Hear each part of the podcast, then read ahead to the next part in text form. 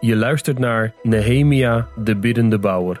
Deze podcast betreft een prekenserie van dominee Alfred van de Weg en wordt aangeboden door Geloofsterusting.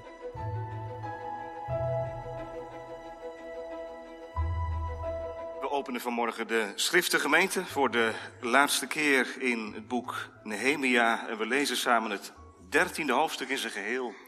Nehemia 13 is de schriftlezing. Het hoogtepunt klonk op dankdagavond, de dankdienst bij de muur. En je zou wensen dat Nehemia daarmee eindigde. Maar dat is niet zo. Na dat hoogtepunt lezen wij hoofdstuk 13. Op die dag werd er voorgelezen uit het boek van Mozes voor de oren van het volk. Daarin werd voorgeschreven bevonden dat een Ammoniet of een Moabiet tot in eeuwigheid niet in de gemeente van God mocht komen.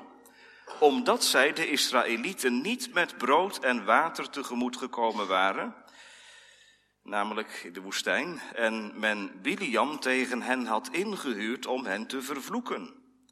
Onze God had de vloek echter veranderd in zegen. Het gebeurde toen zij de wet hoorden dat zij alle mensen van allerlei herkomst afzonderden van Israël. Hiervoor had Eljasip, de priester die aangesteld was over de kamers van het huis van onze God, en die verwant was, familie was van Tobia, een grote kamer voor hem gemaakt. Daar brachten ze vroeger steeds het graanoffer, de wierook, de voorwerpen, de tienden van het graan, van de nieuwe wijn en de olie, overeenkomstig het gebod voor de levieten, de zangers en de poortwachters, en het hefoffer voor de priesters. Toen dit alles plaatsvond, was ik niet in Jeruzalem. Want in het 32e jaar van Artasasta, de koning van Babel, moest ik bij de koning terugkomen. Maar na verloop van tijd kreeg ik weer verlof van de koning. Dat is waarschijnlijk een aantal jaar geweest. Toen ik in Jeruzalem aankwam, kreeg ik inzicht in het kwaad dat Eljasip ten behoeve van Tobia gedaan had. Door een kamer voor hem te maken in de voorhoven van het huis van God. Dit was volstrekt kwalijk in mijn ogen. Daarom wierp ik al het huisraad van Tobia uit de kamer naar buiten. Ik zei dat ze de kamers moesten reinigen en ik liet de voorwerpen van het huis van God daar terugbrengen met het graanoffer en de wierook. Verder kwam ik te weten dat de delen voor de levieten niet werden gegeven. En dat de levieten en de zangers die het werk verrichten waren gevlucht. Ieder naar zijn eigen veld. Ik riep de machthebbers ter verantwoording en zei, waarom is het huis van God verlaten? Ik bracht hen bij elkaar en ik deed hen hun plaats weer innemen. Toen bracht heel Juda de tienden van het graan, de nieuwe wijn en de olie weer naar de voorraadkamers en ik gaf Selemja, de priester, en Zadok, de schrijver, en van de levieten Pedaja de leiding over de voorraadkamers, en naast hen Hanan, de zoon van Zakur, de zoon van Matanja, want zij werden betrouwbaar geacht. En het was aan hen om alles onder hun broeders te verdelen. Dan volgt een gebed, zoals er vier gebeden volgen in dit hoofdstuk van de Hemia. Denk hierom aan mij, mijn God Wis mijn blijken van goede tierenheid niet uit die ik aan het huis van mijn God en aan de eredienst daarin heb bewezen. In die dagen zag ik in Juda mensen die op de Sabbat de wijnpersen aan het treden waren. En die hopen graan brachten en die op ezels laden. En ook wijn, druiven en vijgen en allerlei andere lasten. Ze brachten die naar Jeruzalem op de Sabbatdag. Op de dag dat zij dat voedsel gingen verkopen, waarschuwde ik hen. Ook woonden er Tyriërs die vis aanvoerden en allerlei koopwaar die zij op de Sabbat aan de Judeërs en in Jeruzalem verkochten. Toen riep ik de edelen van Juda ter verantwoording en zei tegen hen, wat is dit voor een wandaad die u verricht, waardoor u de Sabbatdag ontheiligt? Deden uw vaderen niet evenzo? En vervolgens bracht onze God al dit kwaad over ons en over deze stad. En u voegt nog eens toe aan de brandende toren over Israël, door de Sabbat te ontheiligen. Het gebeurde toen de poorten van Jeruzalem hun schaduwen afwierpen voor de Sabbat, dat ik zei dat de deuren gesloten moesten worden. En ik zei dat zij ze niet mochten openen tot na de Sabbat. Ik plaatste een aantal van mijn knechten bij de poorten, zodat er geen last zou binnenkomen op de Sabbatdag. Toen overnachten de handelaars en de verkopers van allerlei koopwaar buiten Jeruzalem een keer of twee. Ik waarschuwde hen en zei tegen hen, waarom overnacht u bij de muur? Als u dat nog eens doet, zal ik de hand aan u slaan. Vanaf die tijd kwamen ze niet meer op de Sabbat. Ik zei tegen de levieten dat ze zich moesten reinigen en dat ze de poorten zouden komen bewaken om de Sabbatdag te heiligen. Dan opnieuw een gebed. Denk ook hierom aan mij, mijn God, en spaar mij overeenkomstig de grootheid van uw goede tierenheid. Ook zag ik in die dagen Joden die als Doditische, Ammonitische en Moabitische vrouwen bij zich hadden doen wonen. Hun kinderen spraken voor de helft als Doditisch en ze konden geen Judees spreken, maar spraken overeenkomstig de taal van elk volk. Ik had oneenigheid met hen en ik vervloekte hen. En ik sloeg sommige mannen van hen en trok hun de haren uit. Ik liet hen zweren bij God, u zult uw dochters niet aan hun zonen geven, en van hun dochters niemand voor uw zonen of voor uzelf nemen. Is het niet met betrekking tot deze dingen dat Salomo, de koning van Israël, gezondigd heeft? Terwijl er onder veel heidenvolken geen koning was zoals hij, en hij zijn God lief was en God hem tot koning gesteld had over heel Israël? Ook hem deden de uitheemse vrouwen zondigen. Zullen wij dan naar u luisteren door al dit grote kwaad te doen, door onze God ontrouw te zijn, door uitheemse vrouwen bij u te doen wonen? Een van de zonen van Jojeda, de zoon van Eliasib, de hoge priester, was een schoonzoon van Sanballat, de Horoniet. Daarom joeg ik hem bij mij weg. Denk aan hen, mijn God, vanwege de ontwijding van het priesterschap, namelijk het verbond van het priesterschap en van de levieten. Zo reinigde ik hen van al het vreemde. En ik stelde diensten vast voor de priesters en de levieten, ieder voor zijn werk. En ook voor het offer van het hout, op de vastgestelde tijden en voor de eerstelingen. Denk aan mij, mijn God, ten goede. Zo eindigt het boek Nehemia. En met die laatste woorden van vers 31 zijn ook de, is ook de preektekst gegeven vanuit dit gebed hopen we Nehemia 13 te bezien. Denk aan mij, mijn God, ten goede. Straks naar de preek zingen wij zonder verdere aankondiging het gebed des Heren. Het derde en negende vers. Uw koninkrijk komt toch, o Heer, dat is het gebed. En vers 9, dat is de beleidenis, want van u is het koninkrijk, o Heer. Het gebed des Heren, vers 3 en 9 naar de preek. Gemeente, het begon ermee en het eindigt ermee. Kinderen met gevouwen handen. Wat zou dat nou mooi zijn, hè? Als jouw leven begint en eindigt met gevouwen handen. Dat je ouders van jongs af aan je leren wat het betekent om je handen te vouwen, je ogen te sluiten en te spreken met God. Het boek Nehemia, wat we vanmorgen afsluiten, begon ook met gevouwen handen. Nehemia 1, vers 4. O God, daar in dat verre Babel, o God, gedenk aan uw naam. Uw volk, uw stad, het ligt allemaal door elkaar. Het is één grote puinhoop. God heeft in het hart van Nehemia dat verlangen gewekt om stad en tempel weer op te bouwen en van betekenis te zijn tot geestelijk welzijn van het volk van Israël. En nu gemeente zijn we aan het eind gekomen en eindigen we ook met gevouwen handen. Nehemia wordt wel de biddende bouwer genoemd, hè? De biddende bouwer. De bouwende bidder. Denk aan mij, mijn God, ten goede, maar gemeente als één ding meer dan duidelijk geworden is voor mij en hopelijk ook voor u tijdens die prekenserie, is dat er van enige triomf geen sprake kan zijn. Met alles wat er gebeurd is door Gods goede hand, stad en tempel zijn herbouwd. Het volk is weer teruggekeerd binnen de stadsmuren. De dienst aan de Heer heeft weer zijn voortgang gevonden.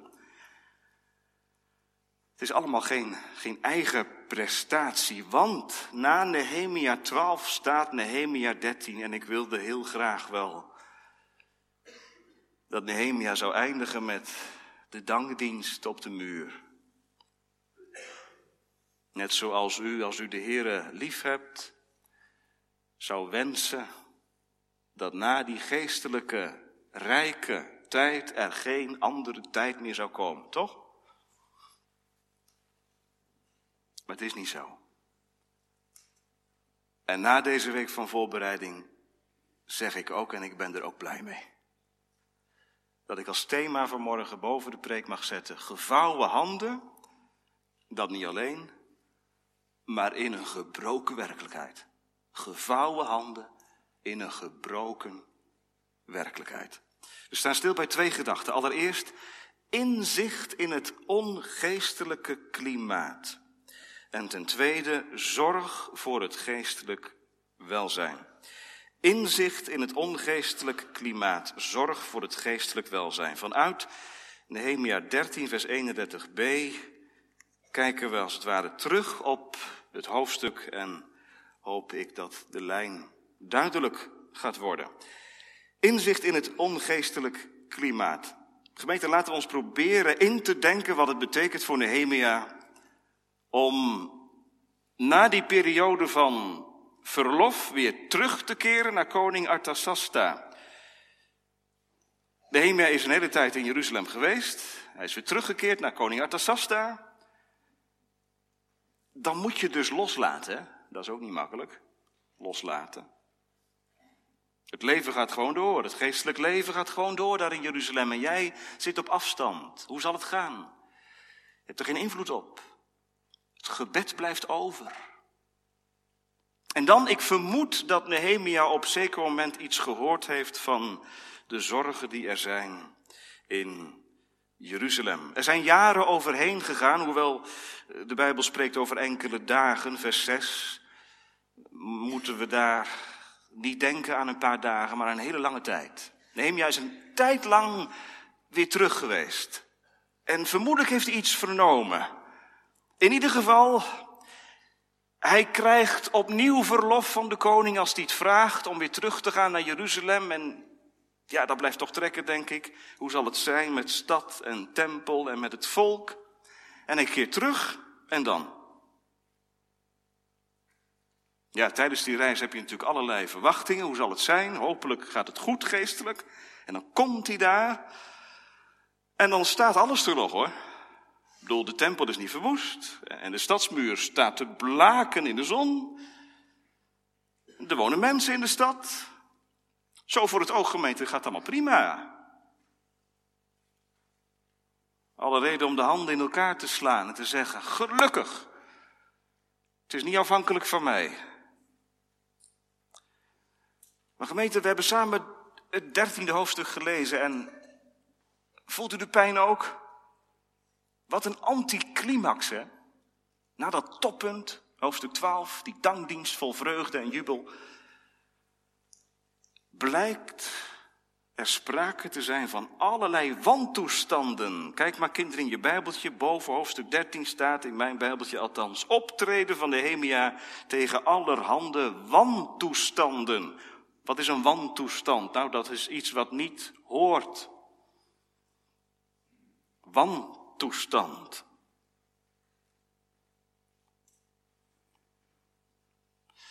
Wat is er nou mooier dan een happy? Maar het blijkt een enorme terugval. Van reformatie, hoofdstuk 1 tot 12, naar deformatie, hoofdstuk 13. Dat is niet van de een op de andere dag gegaan. Vergelijk het maar kinderen met een appel die gaat rotten van binnenuit. Dat is niet van de een op de andere dag dat je een hele rotte appel ziet. Er gaat dagen overheen en dan, ja, dan komt het uiteindelijk een keer in de buitenkant, hè, een rotte plek. En dan maak je hem open en dan zeg je, moest kijken, die kun je wel weggooien.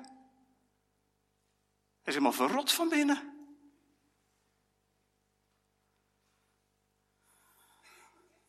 Ander voorbeeld.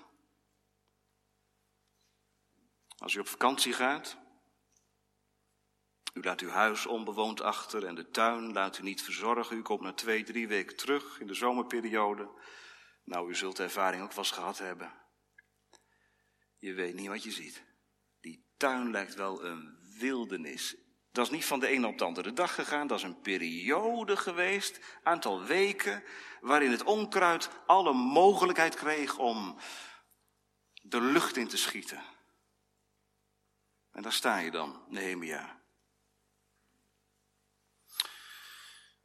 Wat is dan de schrik van Nehemia precies geweest? Nou gemeente, niet. Dit heb ik toch allemaal gedaan. Dit heb ik gebouwd. Dit heb ik. Het is niet Nehemia's bouwproject. Zo begon hij er ook niet aan. Het was Gods bouwproject. Nehemia werd ingeschakeld.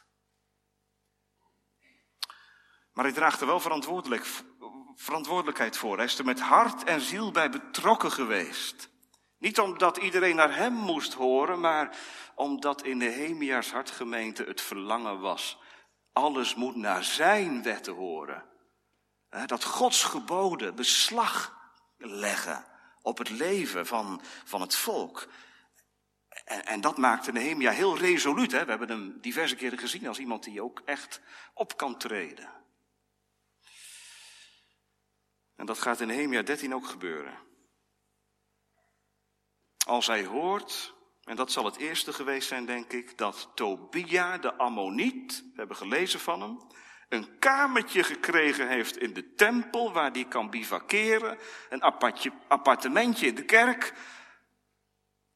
voor een heiden, voor iemand die niet van het volk van God is, en die bovendien ook nog eens een keer, kent u hem nog, Tobia?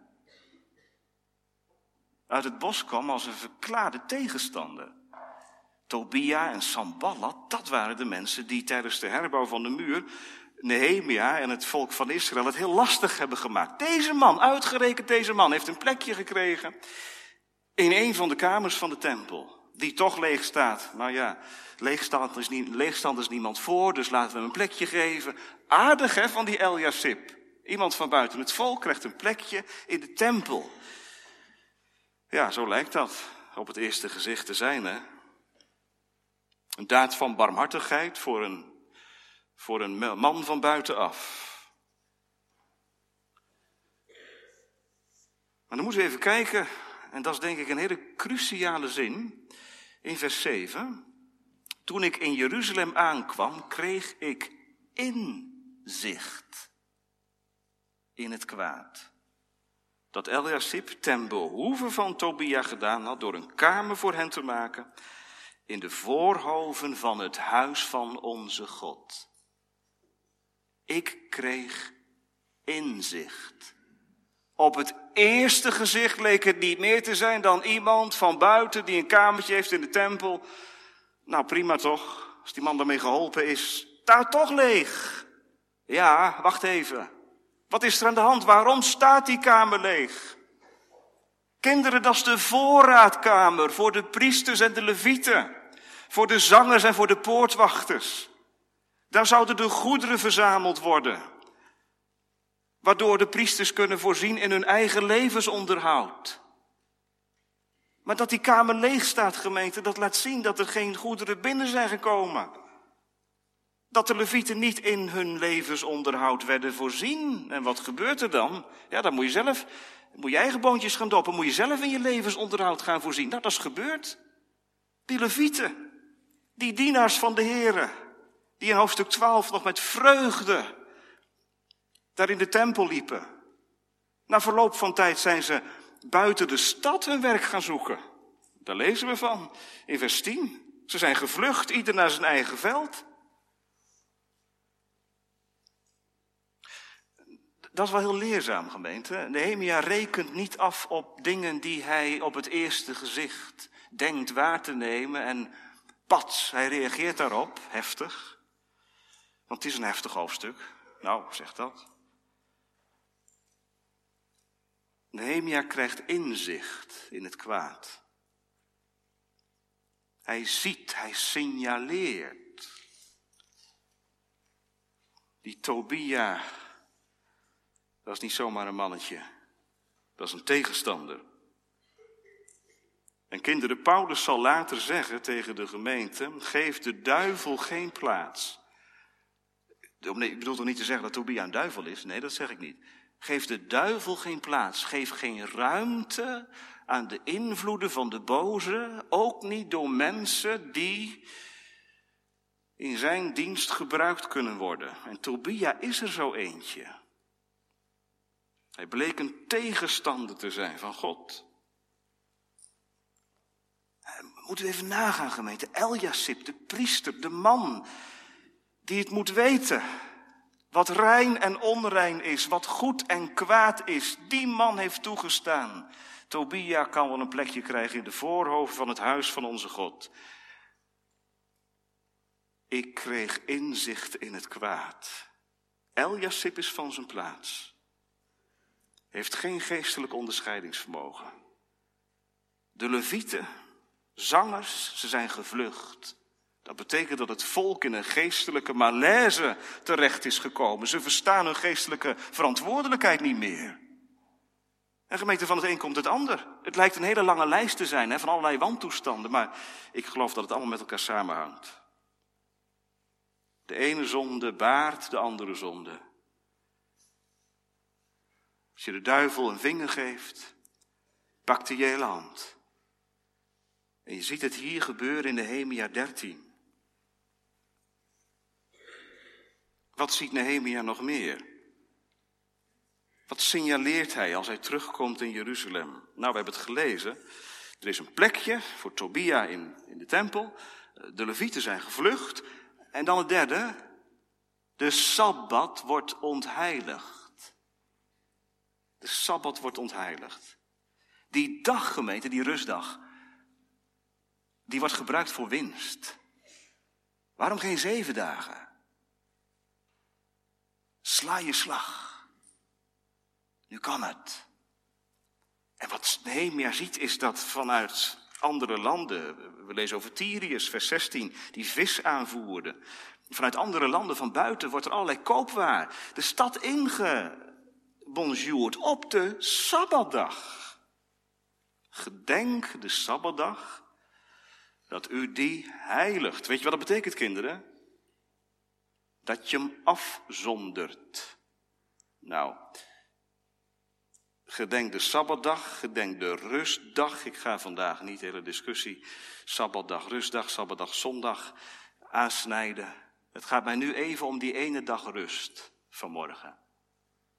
Vandaag is het zover, hè, kinderen? Rustdag, Sabbatdag. Waarom reageert Nehemia zo geprikkeld, zo diep verontwaardigd als hij op Sabbatdag allerlei wijnpersen ziet, ziet uh, treden en vers 15 graan wat op ezels geladen wordt? Waarom? Waarom waarschuwt hij? Dat mag zeker niet, hè? Op zondag mag je niks. dat is het niet. Nehemia die, die, die loopt daar niet rond in Jeruzalem met zijn vingertje. Dit mag niet, want er staat in, in de wet dat je op de Sabbatdag moet rusten. Gemeente, hij heeft inzicht in het kwaad. Hij doorziet wat hier gaande is. Hij ziet niet alleen wat er uiterlijk gebeurt, dat er handel gedreven wordt, maar ook wat er innerlijk teloor gaat. En dat is het punt. Gemeente, als ik de lijn even naar vandaag mag doortrekken. Wat hebben we daar schreeuwend behoefte aan? Aan christenen. Bent u er zo één? Ben ik er zo één? Bent u er zo één? Aan christenen die inzicht en doorzicht hebben wat er speelt. Op allerlei terrein. Op het gebied van gelijkheidsideologie. Op het gebied van leven en dood. Gisteren was de Mars voor het Leven, er zijn ook verschillende van ons geweest. Pro-life. We zijn niet ergens tegen gemeente. Zo wordt die mars ook afgeschilderd hè, in het nieuws. We het voor de dienst nog even over. Anti-abortusbeweging. Nee, pro-life. Jonge mensen, we zijn niet ergens tegen als christenen allereerst. Op zondag mag je niks. Nee, de zondag is een rustdag, geheiligd door God voor jou, voor mij. Waarom? Omdat we het niet redden, gemeente, anders. U bedoelt lichamelijk. Ja, ook dat. Ook dat. Die rustdag waarop je alles uit handen laat vallen, die moet er ook zijn. Want anders, het leven is al zo vol, toch? En is al zoveel eisend. Je brandt op. En voor sommigen van ons geldt dat ook. Rust is nodig. Maar er is nog een ander iets, gemeente. De geestelijke laag eronder. Als je gaat rommelen met de geboden van God, ook met dit gebod. Als je dat aan kunt als volk van God, om te rommelen met het vierde gebod, gedenk de Sabbatdag, dat betekent dat je ook, ook het zicht op God bent verloren. En gemeente, dat is iets wat wel heel nabij kwam in de voorbereidingen, wat ik u ook als een spiegel meegeef vanmorgen. En dan betrek ik het gewoon maar even op dat vierde gebod. De Sabbatdag. Hoe brengen wij die door? Is het de dag voor God of de dag waarop ik kan doen en laten wat ik wil? Is het de dag waarop de Heilige Geest in mijn hart kan werken, omdat ik mij voeg in de lijn die God aangeeft? Catechismus heeft daar een prachtige uitleg bij gegeven, uitleg van het vierde gebod. Dit is de rustdag. En weet je, een rustdag betekent dat je even geconcentreerd kunt zijn op andere dingen. Je geeft de Heilige Geest gelegenheid om in je te laten werken. Als dat niet gebeurt, hobbel je, dender je voort. En tot je eigen ondergang. Kun je daarom begrijpen, gemeente, dat Nehemia zo verontwaardigd is? Gods volk sjoemelt met de Sabbatdag. En zegt daarmee, God, wij kunnen die Sabbatdag op onze eigen manier invullen. En we zullen er best wel voor zorgen dat de, dat de dienst aan God op een bepaalde manier nog doorgaat.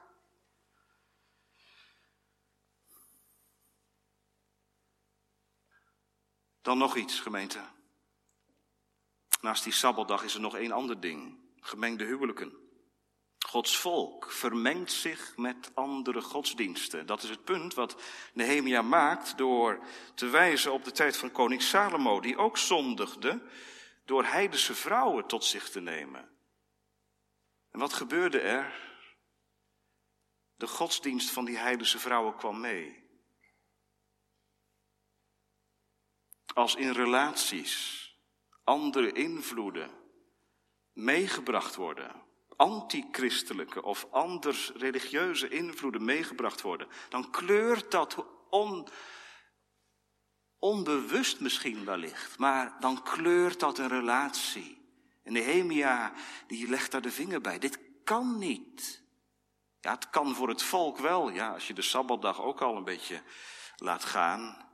En, en de dienst aan de Heer in de tempel blijkt ook niet heel hoog genoteerd te staan. Nou ja, dan mag je in relaties toch ook doen wat je wilt. Ammonitische, Asdoditische, Moabitische vrouwen, vers 23. Ze krijgen kinderen. Die kinderen spreken niet meer de Joodse taal. Worden opgevoed vanuit twee invloeden. Gemeente, schrikken we. Dit kan dus gebeuren in een paar jaar tijd. Ondergronds, onderhuids is een proces gaande. En laten we spiegelend luisteren, gemeente vanmorgen. Laten we spiegelend luisteren. En zeg alstublieft niet, maar dit gaat aan mij voorbij. U bedoelt zeker die of die, alsjeblieft. Zelfkritisch. Gods verbondsvolk kan in het Oude Testament en Gods gemeente kan in het Nieuwe Testament blijkbaar in een geestelijke achteruitgang terechtkomen. Je hebt beleidenis gedaan, hiervoor in de kerk, in de Smaragstraat, waar dan ook. Je bent het avondmaal gegaan. En waar? Waar is de radicaliteit van toen? Het vuur van toen? Waar is het hartelijk verlangen om in zijn wegen te gaan? Is er ook bij mij zuurdesem gekomen, wat het hele deeg doorzuurt? Niemand van ons gemeente kan, kan vanmorgen zeggen, heb ik geen last van. Want dit is wat de duivel precies doet bij Gods verbondsvolk. Infiltreren. De tempel staat, de kerk is er. Het is allemaal binnen. De stad af. Inwoners zijn er. En van binnenuit gaat het rottingsproces beginnen. Kwaad noemt Nehemia uit. Wat hebben we nodig, gemeente? Het woord.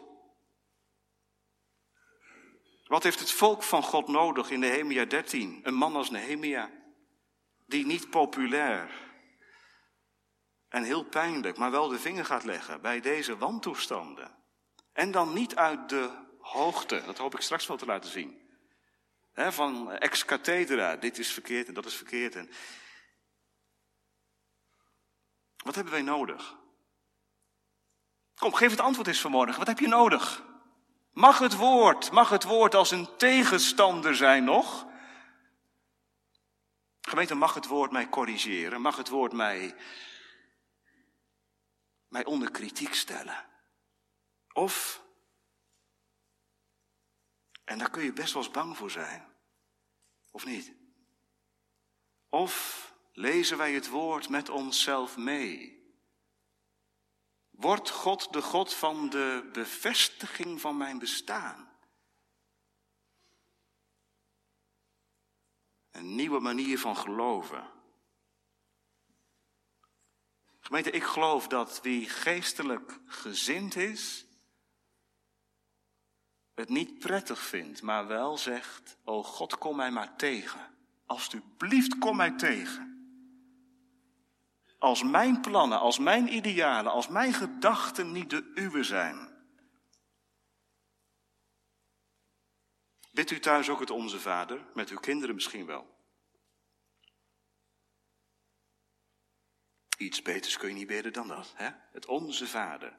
Weet je, een van de, we gaan straks zingen naar de preek, een van de um, beden naar het Onze Vader is, uw koninkrijk komen. Uw koninkrijk komen. Wat zeg je daarmee? Dat het koninkrijk mee mag bewegen met mijn lijn van denken, uw koninkrijk komen betekent regeer ons zo door uw woord en door uw geest dat alles wat niet van u is aange, aangeraakt wordt, aangeduid wordt, gecorrigeerd wordt, onder kritiek gesteld wordt. Opdat ik in uw dienst gebruikt mag worden. Dat is, dat is heiliging, gemeente. Dat is heiliging. Nehemia 13 is eigenlijk het hoofdstuk van de van de aandacht voor de toewijding aan God als geestelijke achteruitgang realiteit is. Paulus zal laten zeggen, wandel door de geest, ja, maar dood ook de werken van het vlees. Dat, dat, dat hoort erbij. Wandel je door de geest? Dan dood je de werken van het vlees. Wat zijn de werken van het vlees? Daar heb je geestelijke gevoeligheid voor nodig. Waar ontwikkel je die? onder het woord. Waar ontwikkel je die? Met gevouwen handen bij de bron. Heere, maak mij uw wegen, door uw woord en geest bekend. Gemeente, zijn wij zulke christenen? Christenen die het steeds weer moeten hebben van waar Nehemia het moest hebben. Het gebed, gevouwen handen. Want vergis u niet.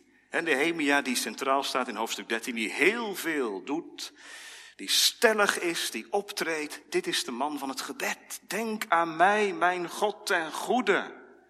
Op vier punten in dit heftige hoofdstuk bidt hij. Denk aan mij, denk aan mij, denk aan mij.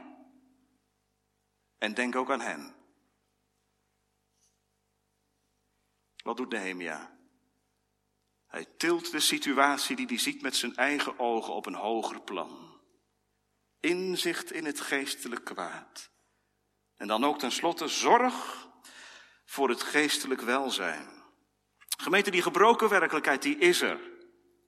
Nehemia signaleert enkel verdrietige omstandigheden. Wat gaat hij doen? Gaat hij meeklagen, meehuilen met de wolf in het bos? Het is zo'n donkere tijd. Gaat allemaal achteruit tegenwoordig. Ja, die mensen zijn er ook. Maar dat is niet taal van de geest hoor, echt niet. Klagen en, en, en huilen. Wat is taal van de geest? Niet lethargisch worden, ja. Zie wel, ik had al gedacht dat. Ook niet berusten. Ook niet, doet Nehemia ook niet, kijken of er nog mensen zijn die een beetje gelijkgezind zijn. Die ook zo denken als hij. Zou toch wel fijn zijn. Misschien zijn er nog een paar. Die gelukkig niet zo vooruitstrevend zijn als die mensen die gemengde huwelijken aangaan en zo. Wat doet Nehemia? Hij gaat niet uit de hoogte. Maar mag ik het zo zeggen, uit de laagte reageren. Gevouwen handen in een gebroken werkelijkheid.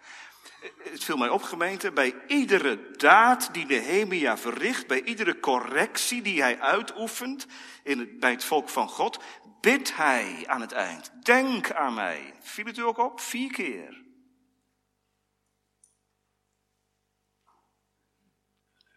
Nehemia is geen baasje die het kan. Nehemia is bezield met een heilige ijver. Psalm 26. Ik kan niet verkeren bij goddelozen. Ik kan niet gedogen dat in het huis van mijn God dit gebeurt. Heere, ik wandel als uw knecht.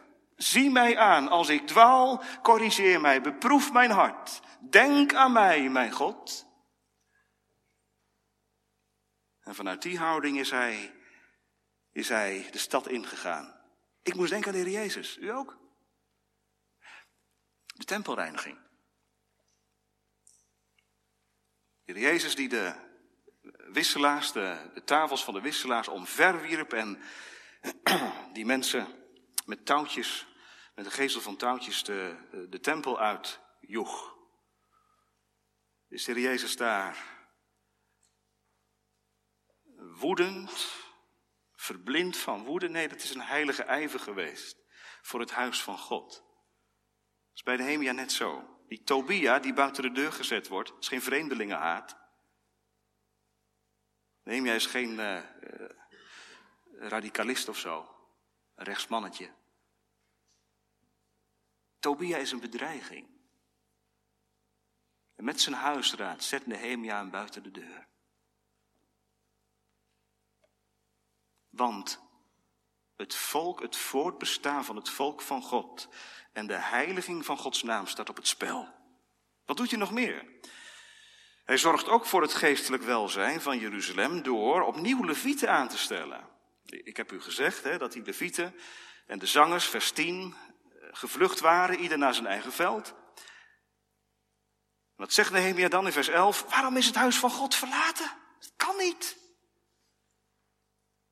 En Nehemia zorgt ervoor dat er weer getrouwe mannen komen die de plaats innemen. En moet je eens kijken, die voorraadkamer, vers 12, wordt weer vol. Dat lege kamertje waar Tobia bivakkeerde, wordt weer een voorraadkamer. Daarvoor was die bedoeld. En wat doet hij nog meer? Die Sabbatdag Waarvan alles gebeurt wat God niet wil en wat tot geestelijk, geestelijke schade is van het volk, die Sabbatdag, die wordt weer op de kaart gezet. Gedenk de Sabbatdag, vers 17. U ontheiligt de Sabbatdag. Dit is een wandaad. En weet je wat Nehemia dan doet? Hij gaat niet bang maken, maar hij wijst wel op de geschiedenis. Weet je wat er gebeurd is toen dat voorheen ook gebeurde? Deed uw vaderen niet even zo, vers 18, en vervolgens bracht onze God al dit kwaad over ons. En jullie gaan er gewoon mee door. Nehemia treedt op in de geest van zijn zender en wil die rustdag herstellen in het belang van het geestelijk welzijn van het volk. Nou, gemeente, jonge ouders, laten we wat dat betreft ook maar bij onszelf blijven en erop beducht zijn dat die dag niet uitgehold wordt. En we zijn er niet met hier zijn. dat zeg ik er ook maar voor de duidelijkheid bij. Het is wel een, een, een, gezegend ritme, wat, wat, wat God geeft. Twee diensten, waardoor je niet eens hoeft te kiezen wat je nog anders moet doen. Wat een voorrecht. Er zijn zoveel landen waar het niet eens kan. Maar laat die kerkdienst, laat het woord van God de dag doorzuiveren, doorlichten. In rust van alles wat van buiten naar binnen komt. Media, informatie van mijn werk. En aandacht voor elkaar in je relatie. Als je alleen bent met familie wellicht. In het gezin. Wat een zegen, die rustdag. Nehemia onderstreept het. het komt vanmorgen naar ons toe. Vul die dag niet in naar de smaak van jezelf, maar naar de wijsheid van Gods gebod. Daar ligt zegen op. Ja, en dan het laatste. Die uh, heidense vrouwen. Ook daar legt Nehemia de vinger bij. Dit kan niet. Dit moet stoppen. En hij doet dat op een manier waarvan wij misschien zeggen, nou nou, dat moeten wij niet doen, de haren uittrekken van uh, sommige mannen van hen, vers 25. Ik vind het een hele lastige. Ik heb de uitleg ook niet. Er zijn commentaren die, die bewegen daar omheen en die zeggen, ja, nee, je heeft het zelf niet gedaan, dat hebben anderen voor hem gedaan, maar ja, dat staat er ook niet. Het is, denk ik, iets wat hoort bij die cultuur van toen. Dat hele heftige en radicale. Het kwaad moet stoppen. En daarom is Nehemia zeer radicaal. Maar nogmaals, ik verbind het gemeente met die gevouwen handen. En ik vind het heel treffend om te lezen dat nadat Nehemia zulke heftige dingen doet, hij in vers 29 zegt, denk aan hen, mijn God.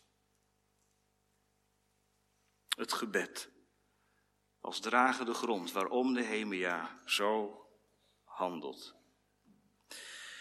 Gemeente, alleen zo kan de zonde bestraft worden, in de gemeente en daarbuiten.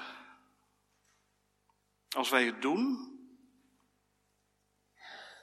door de geest van het gebed. Weten dat wij niet reageren in ons gezin op onze kinderen omdat wij getriggerd worden door iets wat onszelf raakt. Maar weten als vader en moeder, ik reageer nu op iets wat kwalijk is. Wat niet voort kan bestaan. Ik kan niet zwijgen. Dat. Die lijn. Denk aan mij, mijn God. Gemeente, we gaan afronden. Zo reinigde ik hen, vers 30, van al het vreemde. Geen succesverhaal vanmorgen. En ik ben er dankbaar voor. Gods dienaren in oude en nieuwe verbond. Ga niet de boer op met het succesverhaal. God zorgt er zelf wel voor dat dat op een of andere manier tegengehouden wordt. In het leven van de Hemia is het duidelijk. Na alles wat er gebouwd is, de afbraak van binnenuit. Geen triomftocht van Nehemia. Wel frustratie dat het zo is. Ja, menselijk gesproken kan die frustratie er zijn bij ambtsdragers, bij dominees, bij vaders en moeders die in hun gezin dingen zien gebeuren. Maar gemeente, het bouwproces gaat door. Echt. Niet dankzij alles wat er gebeurt, maar ondanks alles wat er gebeurt. Gaat het door. Het gaat ergens naartoe. Denk aan mij, mijn God, ten goede. Is dat, zegt iemand, geen stem die versterft in de ruimte? Laat eens even door in je Bijbeltje. Leg ik er te veel in gemeente als ik hier ook iets van adventsverwachting proef? Denk aan mij, mijn God, ten goede. Hoe heeft God in de volheid van de tijd niet gedacht aan zijn genade? Niet om Nehemia, maar om zijn grote naam. Bij God is een nieuw begin mogelijk, blijkbaar. Hoor je dat? Als het in je eigen leven een rommel is. En Nehemia 13 misschien wel symbool staat voor je eigen leven, geestelijke achteruitgang. Je zou de moed opgeven. Denk aan mij. Bid je het mee. Mijn God. Ten goede. Laat dat maar voor de Heer. Laat dat maar open. God is een God die altijd ten goede werkt. Hij doet alles meewerken ten goede, zegt Paulus in Romeinen 8. En zelfs dat kwaad waar we de zin niet van inzien. Waarom gebeurde dit in mijn leven?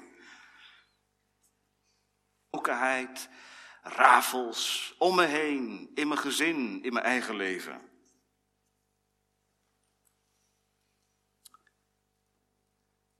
Denk aan mij. Weet je wat je dan bidt? Bid je het mee? Laat mij in uw gedachten zijn, o God. Denk aan mij toch in genade. Psalm 25. Om uw goedheid eer te geven. Dat is niet het gebed van een frust gefrustreerde leider die na zoveel jaar leiderschap moet zeggen, alsjeblieft, ik ben blij dat ik er van af ben. Van heel dat gezeur.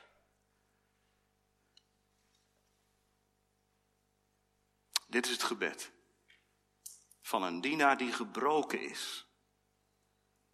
En die vanuit zijn gebrokenheid als geen ander kon dienen.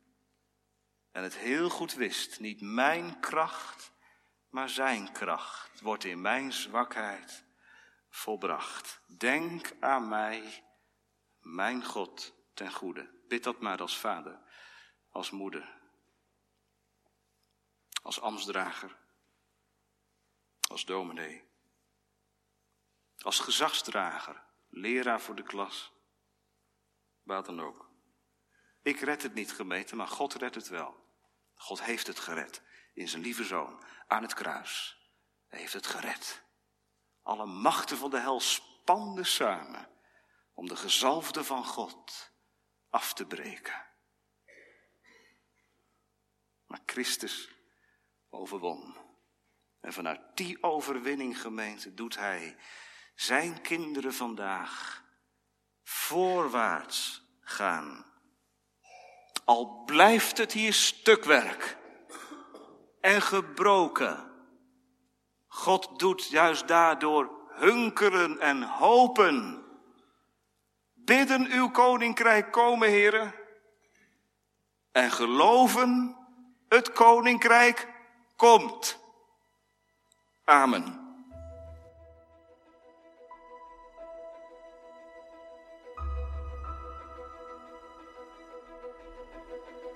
Je luisterde naar een podcast van Geloofsterusting. Wil je meer luisteren, lezen of bekijken? Steun dan onze missie en ga naar de website geloofsterusting.nl.